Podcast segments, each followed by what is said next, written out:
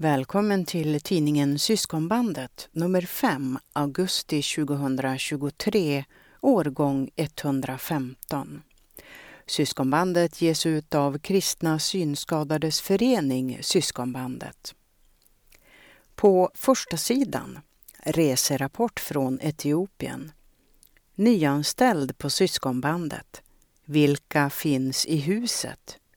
Utflykt till Strängnäs betraktelse och boktips. Syntolkning av framsidan. Den stora rubriken är Reserapport från Etiopien. Bild 1. Syskonbandsgruppen tillsammans med några av BCAS medlemmar. Bild 2. På studiebesök i väveri. Bild 3. Den resande gruppen äter lunch tillsammans på restaurang. Jag som läser heter Charlotta Burman och inläsningen är producerad av Darub. Från verksamhetsledaren. Sedan förra numret av tidningen gick i tryck har några av oss varit i Etiopien för att där träffa och fira 30-årsjubileum av vår systerförening BCA. Lite om resan får du berättat här i tidningen. En av många personer vi fick möta på denna resa och som gjorde ett mycket starkt intryck var 34-årige Gideon.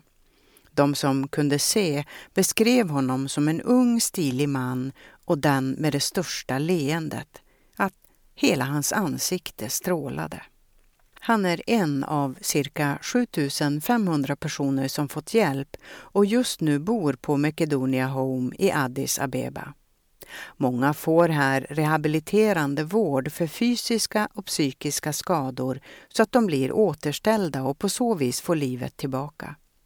För Gideon är tillståndet permanent. Som 18-åring fick han en stroke som förlamade honom och förvred hans tunga så han inte kan tala med annat än oförståeliga ljud. Efter några års omvårdnad av en släkting, eftersom föräldrarna var döda och han var ensambarn, kom han till centret och där får han hjälp med allt. Han är sängliggande men blir ibland skjutsad ut i rullstol. Bara för en tid sedan, strax före resan och mötet med Gideon, kom samtalet vid kyrkkaffet efter gudstjänsten att handla om dödshjälp och tillstånd för ovärdigt liv att leva vidare. Ett tillstånd som Gideons är definitivt ett sådant som många av oss skulle kvalificera som ovärdigt. Ett liv som inte är önskvärt eller ens värt att leva. Men Gideon är det levande exemplet på att inget liv är värdelöst. Inte bara det, Gideon är en förebild, nu för mig och kanske för många. Han är tacksam för det liv han har, för de människor han omges av och tacksamt glad för besök som vårt. Dagar då han klarar av att sitta upp en hel timme utan att få svår smärta ser han bokstavligen som ett mirakel och för det tackar han Gud med jubel. En resa som denna till ett helt annat land ger ofta chans till påminnelse eller nya perspektiv på tillvaron om vad andra och en själv har och vad man saknar. Ändå är det inte nödvändigt att resa jorden runt för sådana upptäckter. Vi kan lära oss på nära håll av varandras olika slags liv och inställning till detsamma. Det kan räcka med att knacka på dörren bredvid. Kanske har du rent av en Gideon som granne. Också i syskonbandet är vi en brokig skara, något som brukar uppskattas och ses som en styrka och vi har mycket att lära av varandra. För den som likt Gideon inte fysiskt enkelt kan ta sig till andra platser för att exempelvis träffa syskonbandare ges flera olika chanser i höst att träffas i telefon. Läs om syskontelefon, bokcirkel och distansträff i advent. Var med i gemenskapen med chans att få och att ge nya perspektiv. Skriver Tina Strömberg och foto av Elisabeth Tafese. Syntolkning. Bild på Gideon som ler mot kameran. Tina sitter bredvid, vänd mot Gideon. På gång. Ljudredigeringskurs den 3 4 november. Bokcirkel på telefon med start den 16 november.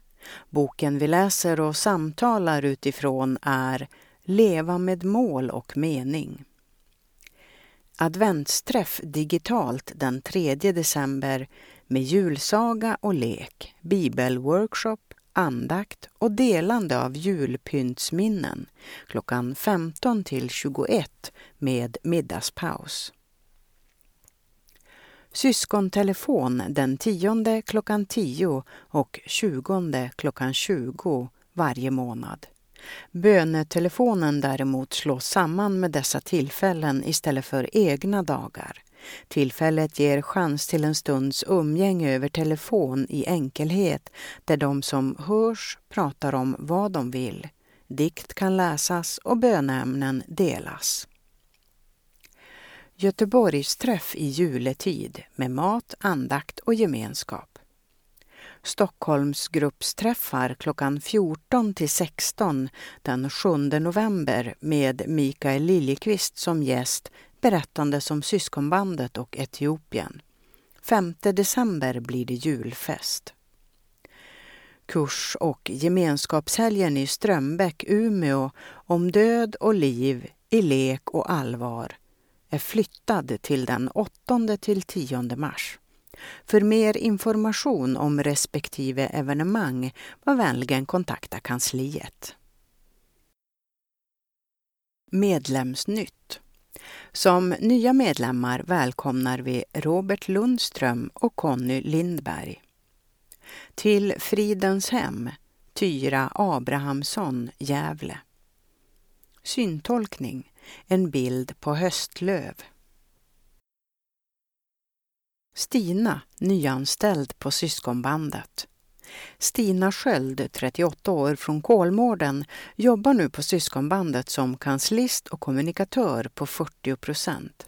Bland annat är det nu hon som gör denna tidningslayout.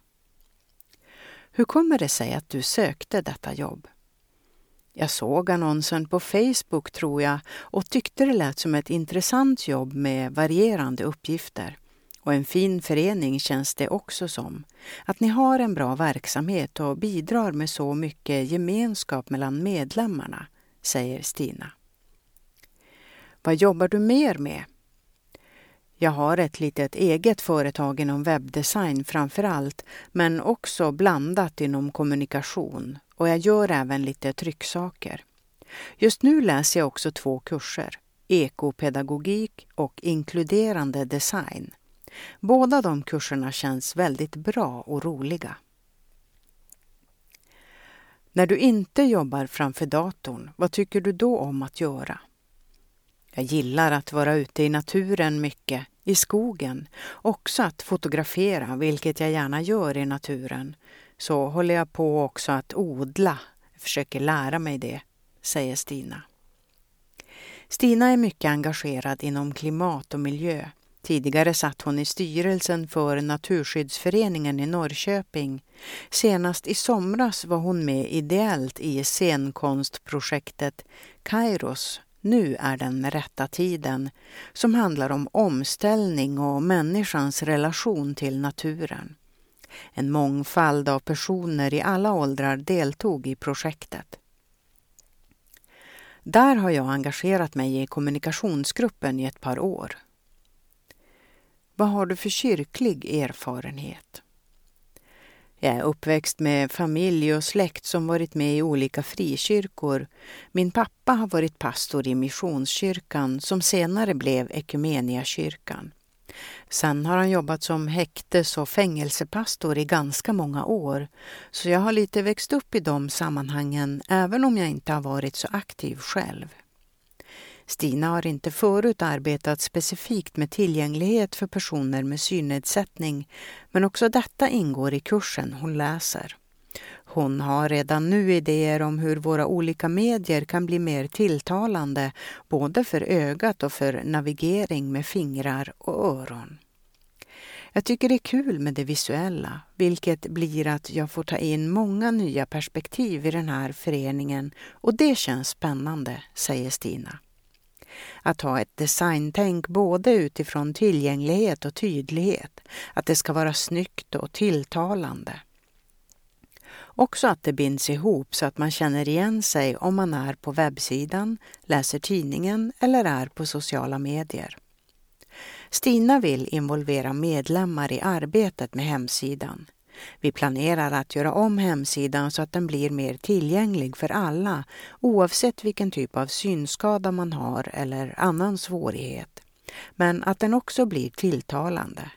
Då behöver vi hjälp från medlemmar som har olika synskador och använder olika hjälpmedel. Det vore jättebra. Skriver Tina Strömberg. Vill du vara med och tycka till om hemsidans form och funktion utifrån navigering med ditt hjälpmedel? Hör av dig till Stina. Hon kan nås på e-postadress kansliet syskonbandet.se och på telefon 08 641 3045. På plats på kontoret i Alvik är hon främst på torsdagar. Syntolkning. Porträttbild på Stina som ler in i kameran med en grön bakgrund. Utflykt till Strängnäs. Som uppstart på terminen gjorde syskonbandet Stockholmsgrupp en utflykt till Strängnäs i sensommaren. Vi steg ombord på bussen klockan 10 den 23 september. Efter några återbud blev vi 21 glada och vänliga deltagare. Resan inleddes med sång till gitarr och dragspel. Vid ankomsten till Strängnäs klev guiden ombord på bussen och vi fick en liten rundtur i lilla Strängnäs med omnejd. Vandringen gick därefter vidare upp till domkyrkan där guiden fortsatte att berätta om kyrkans byggnad och inventarier. Bland annat fick vi höra om kung Karl den niondes frillobarn Isabella som var avgjuten och låg på parad där hon fick en smekning på sin lilla kind av mig. Så var det dags för lunch och bussen förde oss till Skogshyddans restaurang där kocken Christer Ekström tog emot med nystekt rödspätta och tillbehör. Det var en mycket fryntlig och familjär liten krog med god mat. Vid inledningen av måltiden spelade Per Svensson gitarr och vi sjöng ett par lämpliga psalmer. Tiden går fort när trivseln står på topp och efter måltiden var det dags för hemresa skriver Sven-Erik Pilström, foto av Regina Lindberg, syntolkning. Gruppen blir guidade inne i Strängnäs domkyrka. Vilka finns i huset? Samtal med Sofia Kamnerin från Sveriges kristna råd. Syskonbandet har nu haft sitt kansli på Ekumeniska centret i ett år och i denna artikelserie Vilka finns i huset? kommer du att få följa med på en rundvandring där de olika organisationerna och några av alla personer som huserar här presenteras. Först ut blir Sveriges kristna råd. Jag går längs syskonbandets korridor, förbi det lilla köket där vi brukar värma lunch och förbi stora ljusgården där syskonbandet höll sitt årsmöte i april. Svänger vänster och kommer dit flera av medarbetarna i Sveriges kristna råd har sina kontorsrum. Sveriges kristna råd, SKR, är det nationella ekumeniska organ där kyrkor samlas för att samråda och samordna sig till både egen inspiration och påverkan i samhället.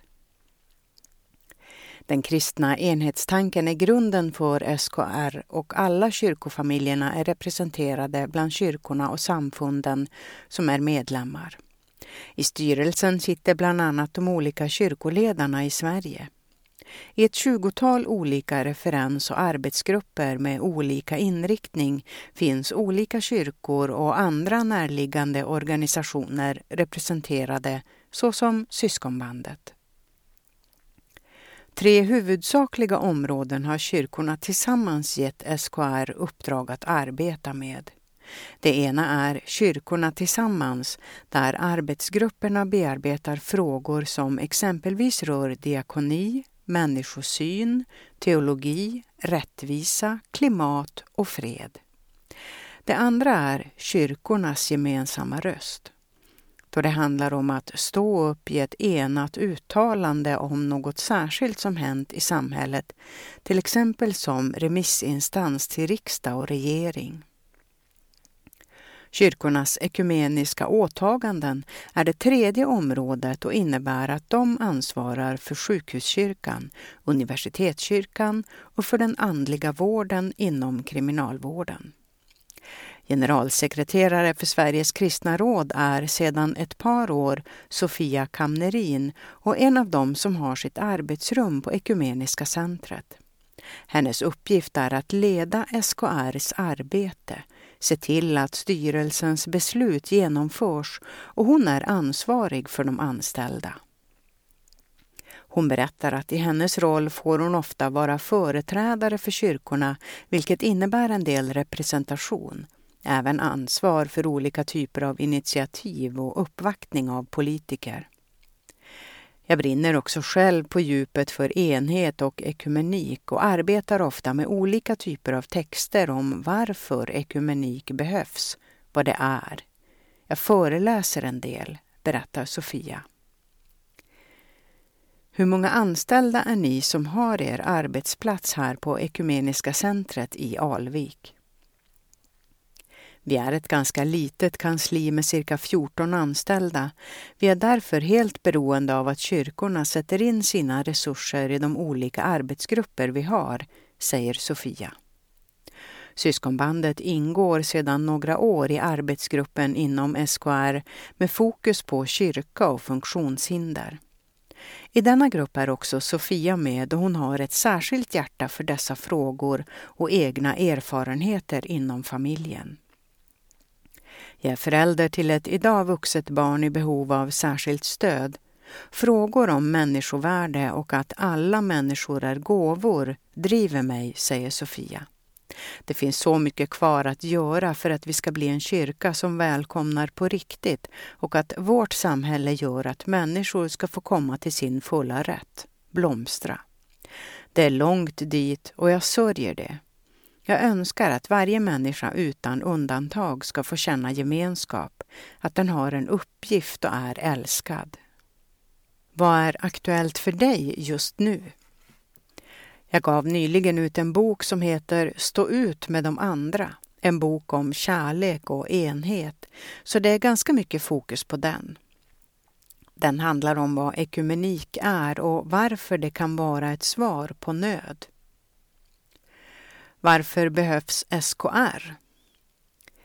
Det är kyrkornas gemensamma organ. På ett sätt är det helt självklart att Sveriges kristna råd finns för kyrkorna är kallade till enhet för att världen ska tro, svarar Sofia och fortsätter. Jesus ber att vi ska bli ett och enheten i Gud har vi redan. Vi ska inte uppfinna den utan upptäcka den. Sen rent konkret så behöver kyrkor samla sina resurser. Världens och samhällets behov är för stora för att någon kyrka ensam ska kunna svara på dem. Vi får också mer genomslagskraft om vi agerar tillsammans. Läs mer om Sveriges kristna råd på webbadressen www.skr.org. Där finner du även SKRs skriftserie att ladda ner och läsa såsom En kyrka för alla och Gåvan att finnas till. Några av Sofias böcker finns som talböcker med text på Legimus, bland annat hennes bok om hur det är att vara förälder till ett barn med neuropsykiatriska diagnoser med titeln När livet stramas åt skärps blicken. Text och foto Tina Strömberg. Syntolkning bild 1. Sofia på sitt kontor med kors och teckningar stående på en hylla i bakgrunden. Bild 2. Omslaget till Sofias bok När livet stramas åt skärps blicken. Bild 3. omslaget till Sofias bok Stå ut med de andra. Mellanläge Betraktelse av Linus Forsberg När det är oktober befinner vi oss i ett mellanläge. Vi är mellan den tidiga och sena hösten och i det större perspektivet är vi mellan sommaren och vintern. Att finnas i mellanläget är något som vi som kristna ofta pratar om. Ibland uttryckt i termer av att Guds rike redan är här och samtidigt inte. Jag tänker att det finns mycket vi kan hämta kraft ifrån genom att vara i ett mellanläge. Vi kan tänka bakåt, dra lärdomar av det som varit, glädjas åt det som blev bra och även påminna oss om det som inte blev bra men som vi är fria att lägga i Guds händer. Vi kan samtidigt tänka framåt, fundera på var vi är på väg och hur vi kan använda allt Gud lagt ner i vår gårdag till att med Guds hjälp och goda vägledning jobba för att vår morgondag blir ännu bättre. Ibland får vi bara stå kvar i mellanläget ett tag, landa i det som är och invänta att Gud på nytt ska gripa tag i oss. Nu när allhelgonahelgen närmar sig minns vi lite extra de som gått före oss, såväl helgonen som våra nära och kära. Du kan också påminna oss om att hur inspirerande deras liv än varit så befann sig även de i mellanläget. Där befinner sig alla, hela tiden, mellan det som varit och det som ska ske. Gud knyter samman hela våra liv, det goda och det mindre goda, med sig själv och sin skapelse. Gud ger oss dagligen, genom mellanläget, en möjlighet att söka förlåtelse eller ge förlåtelse för det som har varit och samtidigt få en ny chans att låta Guds vilja i våra liv ske i det som komma skall. Med andra ord, vi ska inte bara tänka bakåt, inte bara tänka på nutiden eller bara tänka framåt, utan alla tre epokerna behövs. De kompletterar varandra och de välsignas av Gud.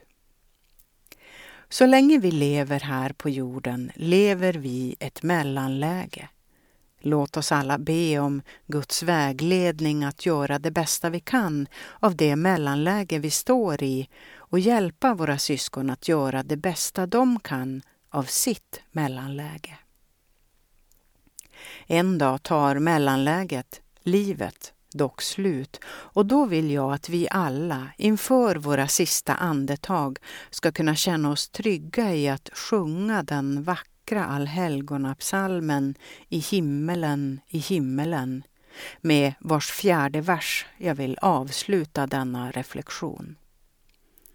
I himmelen, i himmelen man inga tårar ser. Ej döden, ej förgängelsen, där skola härja mer. Där skänkes fröjd och härlighet och frid och oförgänglighet av Herren Sebaot. Kristi frid, mina syskon, skriver Linus Forsberg. Syntolkning. Många gravljus står uppradade. Utblick. Reserapport Etiopien. På syskonbandets uppdrag var vi några som i augusti reste till Etiopien för att delta i konferens och 30-årsjubileum av vår systerförening BCA, Bertimaeus Christian Association. Mycket annat var det också som hanns med som planerats av främst Tesfaye i Sverige och ordföranden Mindahun i Etiopien som gjorde att vi fick en mycket innehållsrik vistelse i landet. Här görs ett försök till sammanfattande rapport och några efterföljande personliga reflektioner från resegruppen. Främst höll vi oss i Addis Abeba denna stora stad är inte endast landets huvudstad utan även säte för Afrikanska unionen. En mångfacetterad stad och flera av dess sidor fick vi ta del av. Flera verksamheter besöktes för personer med synnedsättning och andra funktionsnedsättningar eller sjukdomar. De flesta har startats en gång av en missionsorganisation i Europa eller Nordamerika men är idag helt eller delvis självförsörjande. Någon drivs undantagsvis av staten, såsom EDEBEB Center, där det finns verkstäder med olika slags hantverk, där personer med funktionsnedsättning får anställning. I väveriet träffade vi döva och i borstbinderiet främst blinda. I butik kunde vi köpa deras produkter. En annan och mycket stor verksamhet där också personer med olika funktionsnedsättning får arbete eller utbildning är Jemeserach Center. Vi träffade dess grundare, en blind man som idag är över 80 år men fortfarande engagerad och regelbundet arbetar på kontoret. De startade för 30 år sedan med glasögontillverkning och lärlingarna fick diplom som hjälpte dem att få anställning på sjukhus och hos optiker. De har idag många olika slags verkstäder. I deras butik kunde vi köpa vackra träleksaker, tygväskor, stora möbler, dekorationskort med små virkade dekorationer och mycket annat. Vi träffade där också personer med synnedsättning som lär sig navigera på dator med skärmläsaren JAWS. Annat utbildningscenter för synskadade i datanavigering och punktskrift samt enkelt punktskriftstryckeri och bibliotek som vi besökte är Addis Hiwet. De är inrymda i mycket enkla små lokaler men har fått utmärkelser för sitt engagemang och verksamhet. Från dem tog vi en kort promenad för att komma till Ethiopia National Association for the Blind, ENAB, som är motsvarigheten till Synskadades riksförbund i Sverige, SRF. Desto tjusigare lokaler har de och en innergård som utgör samlingsplats också för umgänge. Vi besökte Barncancercenter som utgör tillfälligt hem för drabbade barn och föräldrar och vi besökte Macedonia Home. På Macedonia Home bor en del personer med synskador men främst äldre, ensamma och fattiga som är så sjuka eller skadade att de är bundna till sängen och totalt beroende av andras hjälp. Vi gick där genom sovsalar för 80 personer, genom sjukvårdsavdelning där personer på rad var kopplade till andningshjälp, en sal för de äldsta kvinnorna som satt i glatt umgänge över religionsgränser. En ateljé med vackra målade alster dialysrum och rehabiliteringsrum med träningsredskap och massagestol. Området är så stort så många fler lokaler finns än de vi besökte. Totalt bor cirka 7500 personer på Macedonia Home och 2500 jobbar där, varav de flesta volontärt. En imponerande verksamhet som funnits bara i 11 år och som hjälper de mest utsatta, inte bara i Addis Abeba utan också i andra städer runt om i landet. Tomten har de fått av staten men i övrigt bygger hela verksamheten på donationer och frivilliga insatser. Verksamhetskoordinatorn som visade oss runt underströk att detta som är åstadkommit för så många behövande inte är människors utan Guds verk. En devis han skickade med oss var också att det räcker med att vara människa för att kunna bistå och hjälpa en annan människa. Alla dessa besök och fler möten vi var med om gav oss viss inblick i de mest utsatta situation i det etiopiska samhället. Det är inte främst det offentliga som finns där för läkarvård och rehabilitering utan frivilligorganisationer och individers innerliga engagemang. I kontrast till detta klev vi också in och upplevde något av stadens mycket påkostade sidor. Palmer och soffgrupper vid fönster, från golv till fjärde våningens tak möttes vi av i entrén till det nyinvigda, mycket tjusiga bibliotek som en vanlig dag tar emot 15 000 besökare. Under spontant guidad rundvandring visades vi deras punktskriftsutbud. Luxuös nyanlagd park var en annan av stadens stolthet vi besökte. Där gick vi i ljusupplysta och taktilt dekorerade marmortrappor, kände på Afrikas lilja och såg på fontäner, höga som höghus och sprutande likt fyrverkerier i olika färg och mönster. I denna stad som inrymmer så många sidor och ting hördes och syntes också närvaro av olika kyrkor och moskéer. Om morgnarna vaknade vi till bön och sång ur högtalare från ortodox kyrka och sådan besökte vi. Till rökelsedoft och psalmsång slingrade vi oss mellan gudstjänstfirande på de täckande mjuka mattorna för att få visat gamla sarkofaggravar i källarplan. Vi fick veta att det inte är ovanligt med synskadade bland de som blivit mästare, högt aktade präster i den ortodoxa kyrkan. Eventuellt som en följd av detta möts personer med synnedsättning i samhället ofta med respekt. Det är inte ovanligt att personer med synnedsättning som klarar skolgången lyckas ta sig långt i studier och karriär.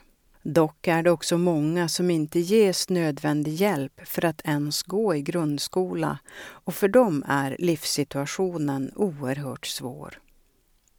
Gudstjänst firade vi på hedersplats i den Mekane Jesus Church som väl känner och har ett stort engagemang för BCA. Kyrkan har nära koppling till EFS, Evangeliska Fosterlandsstiftelsen, och har över 10 miljoner medlemmar i Etiopien. På huvudkansliet träffade vi samfundets ledare för evangelisationsavdelningen och pratade med honom om funktionshindrades plats i kyrkan. Särskild satsning har de hittills gjort för hörselskadade med anställd pastor som är döv och de översätter Bibeln till teckenspråk. De flesta av vår resas dagar gjorde ordföranden Minda Hun, evangelist Alex och ständige hjälparen Solomon oss sällskap. På så vis fick vi tid tillsammans och när vi besökte BCAs kontor var också resten av styrelsen där. Det årliga föreningsstödet från syskonbandet och numera även norska KABB bekostar främst hyran av dessa lokaler. Innanför entrérummet med ett skrivbord finns Minda Hons kontor med dator och besöksstol. På skrivbordet står den porslinsfigur med två öppna händer som bär en liten människa som BCA fick av syskonbandet vid deras 20-årsfirande. Nedför en farligt ojämn och sned trapp efter en liten nisch och toalett ligger böne och samlingsrummet med slitna bänkar längs väggarna. Lokalen är trång och rummen mycket små. Där brukar kören och andra av föreningens team träffas. Vi överlämnade regletter, punktskriftsblock och cirka 70 vita käppar som vi fått till skänks i Sverige. Tacksamhet uttrycktes upprepande för dessa hjälpmedel och för det syskonbandet och KABB troget gett och gör för dem. Också behov och önskemål lades fram. Primärt behov för kontoret just nu är en punktskrivare. Sådan har de inte och behovet är stort för att kunna bistå med material och kommunikation i text med medlemmar runt om i landet.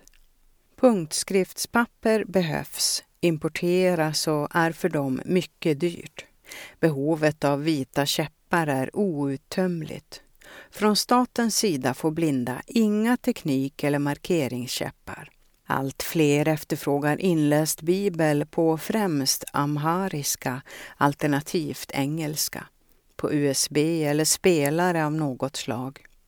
De ser också detta som en ny möjlighet att sprida evangeliet till synskadade i landet och undrar om vi kan bistå på denna front. Vid konferenser och evangelisationssatsningar hyr de högtalarsystem och instrument.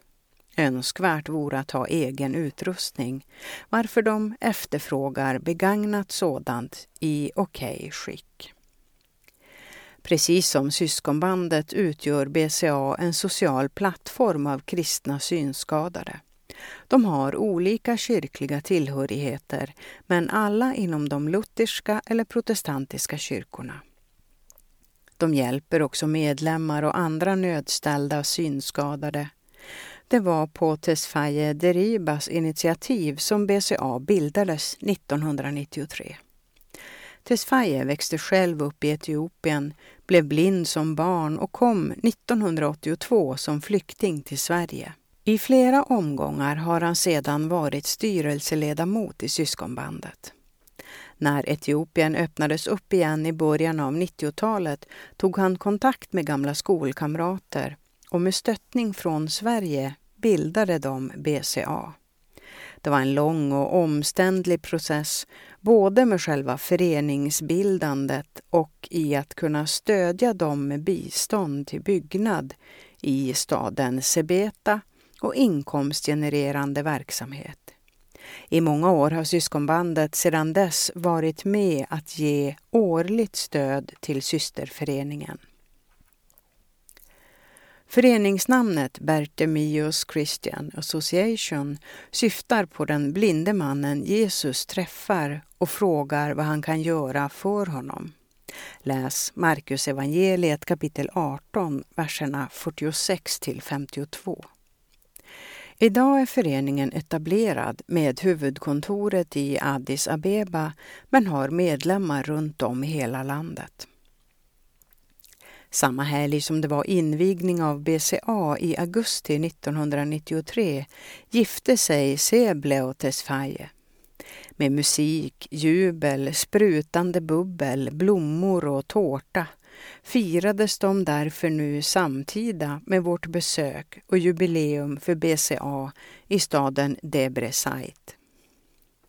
Tal och presenter delades ut också till oss från syskonbandet och vi gav BCA den svenska frälsarkransen, handkors i trä från Sverige, syskonbandets musikskiva samt inte minst 30 000 kronor i jubileumsgåva. Det skriver Tina Strömberg. Några personliga upplevelser Sonja Polstrand är delvis uppvuxen i Addis Abeba, kan språket och har sin mamma där. Hon är ofta i landet och var nu med som ledsagare. Vi hade en fantastisk resa i Etiopien när vi var där för att fira BCA 30 år. Vi träffade så många fina personligheter. Det som var mest fascinerande med vårt besök i Debreceit var att det fanns en sådan livsglädje och hopp hos alla, trots deras synnedsättningar och alla dessa härliga barn och ungdomar som fanns där. Inte bara för sina föräldrar utan för alla som kunde behöva en hjälpande hand. Sådana livsbejakande själar och all denna värme. Alla var som en stor familj och man kände sig genast inkluderad det känns som en ynnest att ha fått vara med. Det skriver Sonja Polstrand. Elisabeth Tafese flyttade själv från Etiopien för 45 år sedan och har bara varit tillbaka vid fem tillfällen sedan dess. Hennes bror bor i Debreceit, just den stad dit vi åkte för konferenshelg och hon tog chansen att träffa honom. På plats fick hon veta att också hennes syster från USA samtidigt var på besök i staden för att fira sin 50-årsdag och hade råkat boka rum på samma hotell som oss. Systrarna fick sig därför den glada överraskningen att ses efter nio år sedan sist över en frukost. Jag ser mötet med min syster som livets gåva. Genom synkroniserade möten fick jag uppleva hur sinne, kropp och själ verkar som ett i våra liv. Denna händelse gjorde att jag upptäckte att livet är andligt. Jag kan koppla ihop olika händelser i mitt liv med varandra och vet att det är gudomlig kraft som verkar genom alla, för alla, med alla, alltid, som det står i Efesierbrevet 4. Det finns bara en Gud som är far till oss alla, står över oss alla, verkar genom oss alla och bor i oss alla. Det skriver Elisabeth Tafese. Mikael Liljekvist har varit i Etiopien tidigare, både för examensarbete och för att träffa släkt han gift in sig i. För fem år sedan var han med i 25-årsfirandet av BCA. Speciella musikinstrument är något av det som intresserar honom. Efter att vi hade varit några dagar i Addis Abeba där vi fått uppleva mycket så kom den dagen då vi reste till Debreceit där vårt huvudärende med resan gick av stapeln, nämligen BCAs 30-årsjubileum.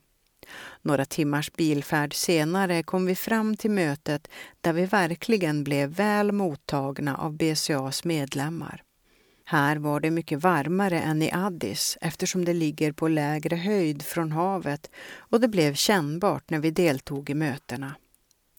Väl inne i aulan efter sedvanliga hälsningar och gåvor var det dags för lovsång följt av vittnesbörd och predikan, vilket var majoriteten av vad BCAs jubileum innehöll. Fast det var predikan efter predikan fanns det en så stor hunger bland deltagarna. Det blev för mig väldigt tydligt då jag själv höll en predikan där de församlade lyssnade med stor uppmärksamhet. När jag hade avslutat bjöd jag fram till förbön. Det kom fler och fler fram för att ta emot förbön. Det var verkligen underbart att få uppleva hur Gud berörde människor. Gud skulle visa mig mer. När jag satt och åt kom en man fram och berättade att han hade bett över en sak. Han ville ge mig sin favoritkerar som ett bevis på vårt syskonskap. Vi är ju bröder och kärleken till dig är ju större än min kerar, sa han. För att förstå den här händelsen behöver jag ge en liten bakgrund. Jag har sedan länge velat ha en kerar, men bara hittat turistvarianter. En kerar är en traditionell etiopisk luta. Själva musikinstrumentet ser ut som att man korsat en gitarr och en harpa. Formen är trekantig där det smalnas av nedåt och slutar i en resonanslåda. Från resonanslådan till tvärslån är sex strängar spända. Musikinstrumentet är cirka 75 cm hög där botten är 20 och toppen 45 cm bred. Resonanslådans djup är 10 cm. Min önskan att köpa en riktig kerar har jag berättat för Tesfaye som i sin tur spred det vidare. Jag blev verkligen djupt rörd och tacksam för denna kärleksgåva. Dock skedde det en brottningskamp inom mig om hur jag skulle kunna ta emot en sådan gåva. Det var ju hans favoritkerar som han nu ville ge till mig. Jag som inte ens kunde spela på den. Samtidigt tänkte jag på när jag själv gett gåvor till andra om vilka förväntningar jag då haft på att de ska ta emot gåvor utan svårigheter. Men med vilken rätt då?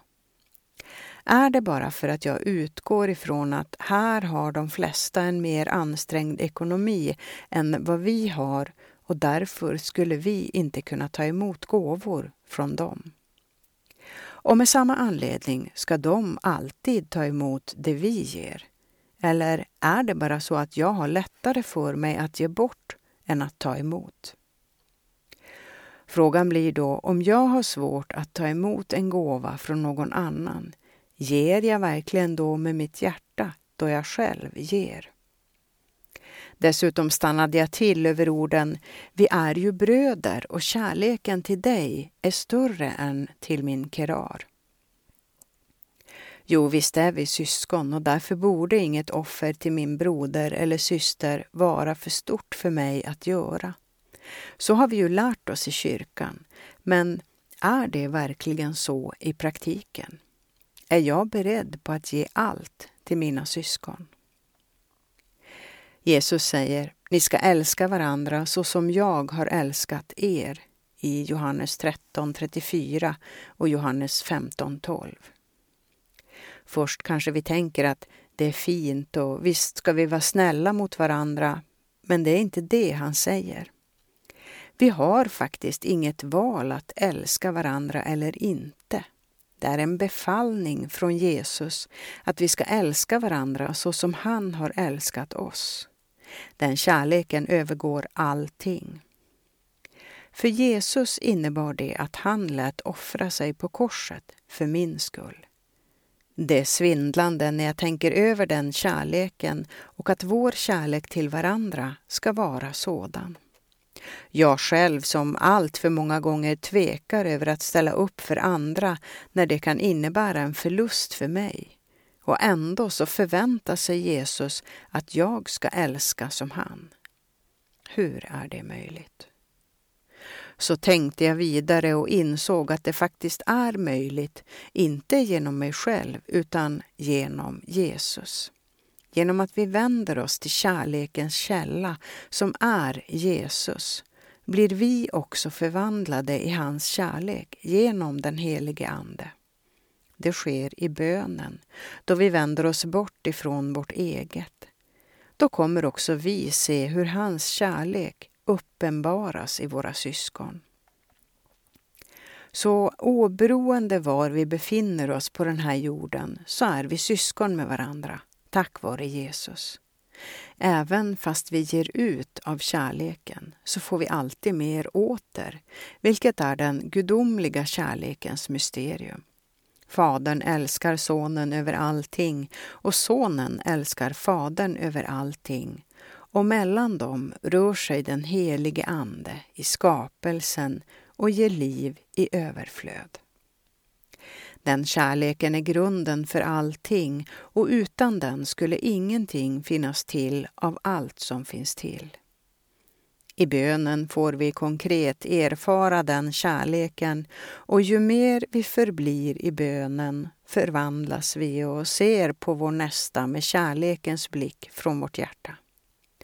Så råder ingen konkurrens, avund eller främlingskap mellan oss därför att vi är förenade i Jesu Kristi kärlek. Därför ska vi göra allting med en stor kärlek, vare sig det är små eller stora handlingar vi gör.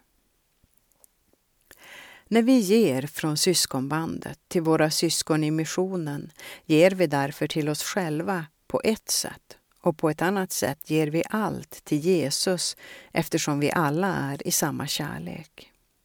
Låt oss därför träna på att älska varandra genom bönen.